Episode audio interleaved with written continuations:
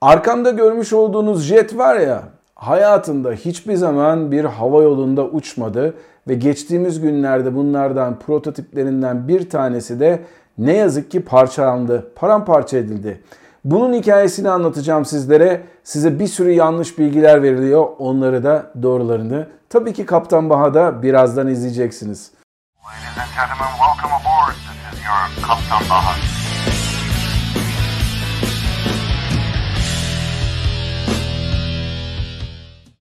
Herkese merhabalar arkadaşlar. Ben Kaptan Baha, Bahadır Acuner. Yepyeni bir Kaptan Baha videosuyla sizlerle beraberiz. Bölgesel jetler gerçekten de 2000'li yılların başından itibaren hava yolları açısından çığır açmayı sağlamış olan ve giderek hem ince hatlar dediğimiz noktadan noktaya uçan uçuşlarda hem de yeteri kadar 737-320 türünden uçakların hizmet veremediği noktalarda havayolu merkezlerine yolcuları taşıyan ve o merkezlerden de yolcuları geriye taşıyan, daha ufak şehirlere hizmet veren uçaklar olarak gerçekten de büyük sükse yaptılar. Önce 90'ların ortasında Kanada'daki Bombardier firmasının CRJ-100 ve 200 modelleri 50 kişilik jetlerle piyasaya girdiler. Arkasından bunu gören Embraer, Embraer 145 jetini piyasaya çıkardı ve daha sonradan da uçaklar 70 ve 80 kişilik uçaklarla bu şekilde hizmet vermeye başladılar. Aslında işte burada size yanlış bilgiler verildiğini de söylemiştim. Burada neden bu uçakların sadece ve sadece bu koltuklarla da sınırlı olduğunu anlatmak istiyorum. Şimdi her şeyden evvel bu jetler gerçekten çok önemli. Ülkemizde de zaman zaman bunlardan en azından bazıları uçtu. Embraer 145'ler uçtu biliyor musunuz, hatırlıyor musunuz bilmiyorum.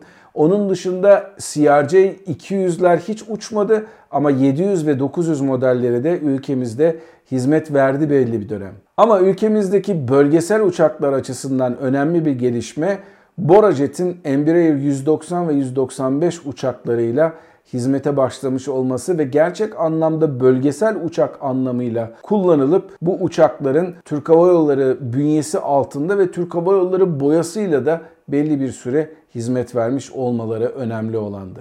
İşte Amerika'da özellikle 2001'deki 11 Eylül olaylarından sonra havacılık camiası özellikle de hava yolları büyük bir değişime gitmek zorunda kaldılar. Maliyetleri düşürmek açısından Amerikalılar da biraz da 11 Eylül'ü bahane ederek aslında taşeron firmaların daha çok iç piyasadan pazar kapmasına yardımcı olmaya çalıştılar. Önce dediğim gibi 1990'ların ortalarından itibaren Kameyer gibi bir firma ilk olarak başladı. CRJ 200'lerle ve 100'lerle Delta Connection olarak çalıştı ve bunun arkasından diğer büyük hava yolları da Amerika West olsun, US Airways olsun, American Eagle adı altında olsun jetleri de birer birer filosuna eklemeye başladılar. İşte buradaki önemli olan nokta maliyetleri düşürmekti ve bunu da gerçekleştirdiler. Nasıl mı? Her ne kadar bunlar tek başına kendi başlarına birer hava yolu olsalar da bunlar aslında kendi başlarına birer hava yoluydular ama amaçları, kuruluş amaçları sadece ve sadece taşeron firmalar olarak çalışıp diğer büyük firmalara ufak meydanlardan yolcu taşımaktı. Ve bunun sayesinde artık o kadar çok böyle maliyetlerinin düşüklüğünün avantajını kullanmak istediler ki önce 50 kişilik jetlerle arkasından da 80'e kadar çıkan sayıdaki jetlerle uçuş yapmaya başladılar. Bu yapılan uçuşların neden 50 kişilik olduğunu her şeyden evvel anlatalım. İlk olarak büyük hava yolundaki sendikalar buna karşı durdular. Büyük hava yollarındaki pilotlar biz bunları uçuralım dendi ama gerçekten de fazla para isteyince büyük firmalar önce bu yönteme başvurdular. Önce Delta Airlines bu uçakları uçurdu. Arkasından başka hava yolları da buna devam etti. Öyle bir zaman geldi ki artık dediler ki biz bunun bir sınırını koyalım dendi. Havacılık konusunda hizmet veren iki tane büyük sendika bunun sınırlarını belirlemeye başladı. Dedi ki önce her şeyden evvel belli bir koltuk kapasitesi sınırı olması lazım dendi. Arkasından koltuk kapasitesi sadece yetmez. Çok fazla koltuk da koyulabilir uçağa veya çok az büyük koltuklarla da uçulabilir büyük uçaklarla o yüzden uçakların ağırlık sınırlarını ortaya konalım dendi ve bunun sayesinde scope clause denilen sizin hava yolunuzun büyük firmalar adına kaç tane, kaç koltuklu ve ne kadar ağırlıkta uçak uçurulabileceğini belirleyen kıstaslar ortaya çıktı. Kimi hava yolları tek bir kıstası kullandı, kimi hava yolları başka bir kıstası kullandı. Bazı hava yolları da belli bir oranda uçak bulundurulması türünden bir takım başka kıstaslarda bulundu. Hatta ve hatta örnek de vereyim. US Airways'in kıstası 80 koltuktu. Benim zamanında uçurduğum Embraer 175 uçaklarında 80 tane ekonomi sınıfı koltuklar vardı. Daha sonra US Airways bizim hava yoluna gelip biz bunlara first class koymak istiyoruz dendiği zaman da bu 80 koltuk 76 koltuğa indirildi. Bazıları da first class olmak üzere. Bazı hava yolları sadece 76 koltukla sınırlandırmadı. Dedi ki 76 koltuk olabilir ama uçaklar da çok fazla büyük olmamalı. İniş kalkış ağırlığı, maksimum kalkış ağırlığı 86 veya 89 bin pound olan uçaklardan daha fazla uçağa bu şekilde koltuk koyamazsınız dendi. Bu da örnek olarak vermek gerekirse Delta'nın tanımladığı bir kıstastı. United Hava Yolları da bunun bir sonrasına götürdü olayı. Dedi ki evet 76 koltuklu uçak da uçurabilirsin, 50 koltuklu uçak da uçurabilirsin ama bunun sonucunda 76 koltuklu uçuracağın uçakların dar gövledeki United'ın ana filosundaki uçakların belli bir oranından fazla olmaması lazım türünden şöyle bayağı karmaşık bir formüle dayanan bir kıstas da ortaya koydu. Şimdi bunları size niye anlattım? İşte bu uçağın aslında ölüm fermanını bu kanunlar, bu yapılan anlaşmalar belirledi. Sendikalar böyle bir uçağa karşı çıktığı için Amerika'da ki bugüne bugün Embraer 170'lerde, 175 ve 170'lerde satılan uçakların yaklaşık neredeyse %80'i sadece ve sadece Amerika Birleşik Devletleri'nde uçuyor ve bu şekilde aynı zamanda Amerika Birleşik Devletleri'nde de United Express veya American Eagle olarak da Embraer 190 türünden bir uçağı göremezsiniz. Bunları da hava yolları mecbur olarak büyük hava yollarının bünyesi altında uçurmak zorundalar. Dolayısıyla bu uçaklara da pilotlara da ona göre para veriliyor. Dispatcherlara, hostlara, hosteslere, kabin ekiplerine de ona göre para veriliyor. Şimdi burada host ve hostes dediğim için beni mutlaka linçleyecekler de vardır. İşte bu nedenle hem bu uçağın piyasaya geç çıkmasından ötürü hem de aynı zamanda istenilen kıstasları bir türlü tutturamamasından ötürü Mitsubishi'nin Space Jet diye adlandırdığı böyle böbürlene böbürlene anlattığı Mitsubishi'nin uçakları ne yazık ki doğru düzgün hava yollarında uçmadan birer ikişer iyi ki hatta geçen yıl yapıldı parçalanıyor. Çünkü artık bu program ölmüş durumda.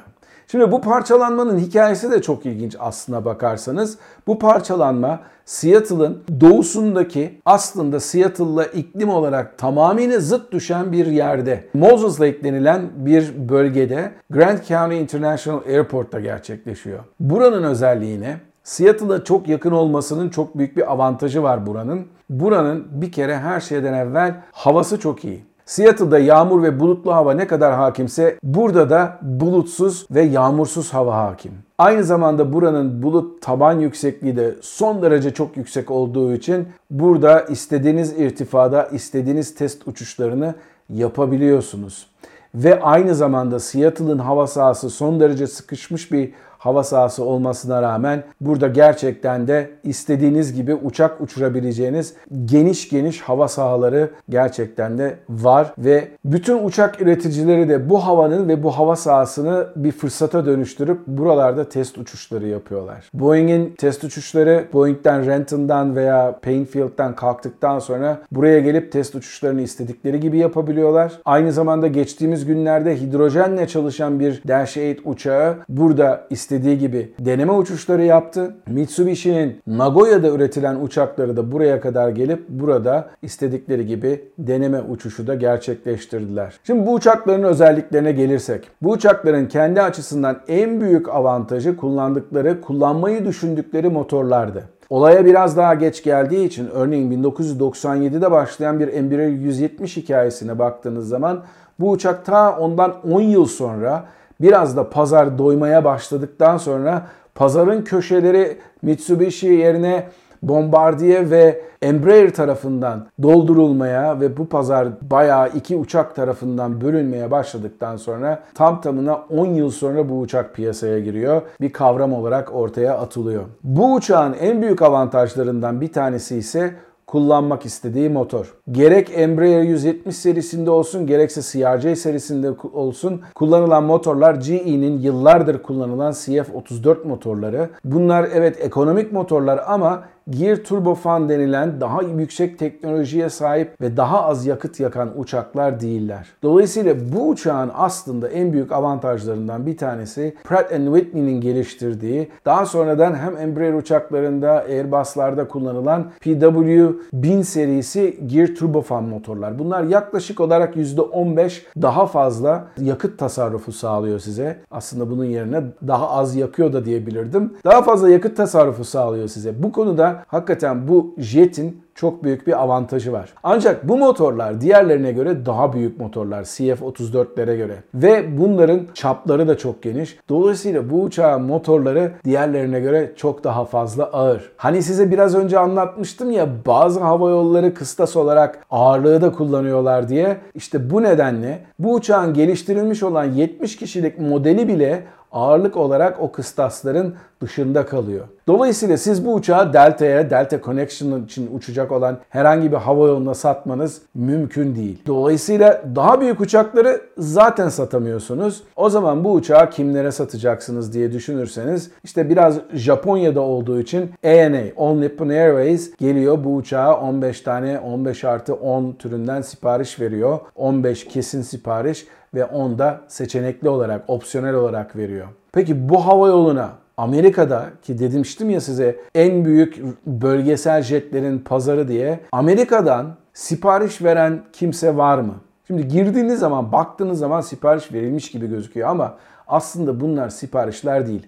Ne gözüküyor? SkyWest Hava Yolları 100 tane ana sipariş, 100 tane de seçenekli sipariş verilmiş gibi gözüküyor. Transstate 50 artı 50'li bir sipariş verilmiş gibi gözüküyor. Fakat bu hava yolları aptal değiller. Bu hava yollarının yöneticileri de aptal değiller. Şimdi siz eğer bu uçakları scope clause'a uymadığı için yani çok ağır olduğu için ve çok fazla yolcu kapasitesine sahip olduğu için uçuramayacaksınız ve sizin de aslında asıl işiniz taşeron firma olarak United Delta veya işte ne bileyim American adına uçmaksa eğer siz bu uçakları uçuramayacaksınız. Neden sipariş veriyorsunuz? İşte sipariş değil aslında bunlar. Bunu anlatmaya çalışıyorum. Havacılıkta değişik şekilde bir uçağı satın almanız mümkün. Burada yapılan şey letter of intent denilen aslında niyet mektupları.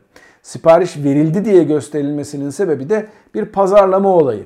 Şimdi eğer siz niyet mektubu belirtirseniz bunun size maliyeti neredeyse sıfır. Ama siz SkyWest gibi büyük bir hava yolundan böyle bir sipariş aldım diye olayı lanse ederseniz üretici olarak o zaman diğer alıcıları da ikna etmeniz son derece kolaylaşıyor. Aslında 450 tane gibi görünen siparişler gerçekte 450 sipariş değil. Ne yazık ki bu uçak hem scope clause'a uymadığı için diğer hava yollarıyla, büyük hava yollarıyla uçamadığı için belli bir süre sonra zaten hava yolları siparişleri iptal ediyorlar ve bu gelen siparişlerin azlığı ve iptaller sonucunda da program 7.6 milyar dolarlık bir para kaybından sonra, zarardan sonra ne yazık ki artık tamam diyor Mitsubishi. Biz bunu ortadan kaldıralım. Bu proje tamamıyla ölü doğmuştu. Artık daha fazla para vermek istemiyoruz deyip o zaman da aslında bu işten çıkmak isteyen Bombardier'in işte CRJ filan serisindeki üretim hattını satın alıyor Mitsubishi.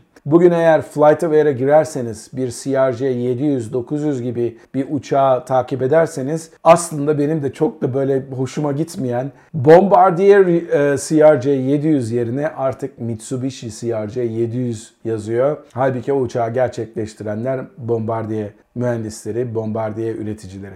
İşte bu uçağın gerçek hikayesi böyle. Bu uçağın neden uçamadığını şimdi umarım daha iyi anlıyorsunuzdur. Havacılık konusunda eksiksiz ve doğru bilgiler için her zaman Kaptan Baha kanalından ayrılmayın. Bu videoyu beğendiyseniz bir like'ınızı alırım. Aynı zamanda bu videoya eğer abone olmadan ulaştıysanız abone olmayı da öneririm ki bundan sonraki havacılık haberlerinden siz de yararlanın, siz de bilgi sahibi olun diye. Bambaşka bir Kaptan Baha videosunda görüşene kadar kendinize iyi bakın, mutlu kalın ama her şeyden önemlisi sağlıklı kalın. Hoşçakalın.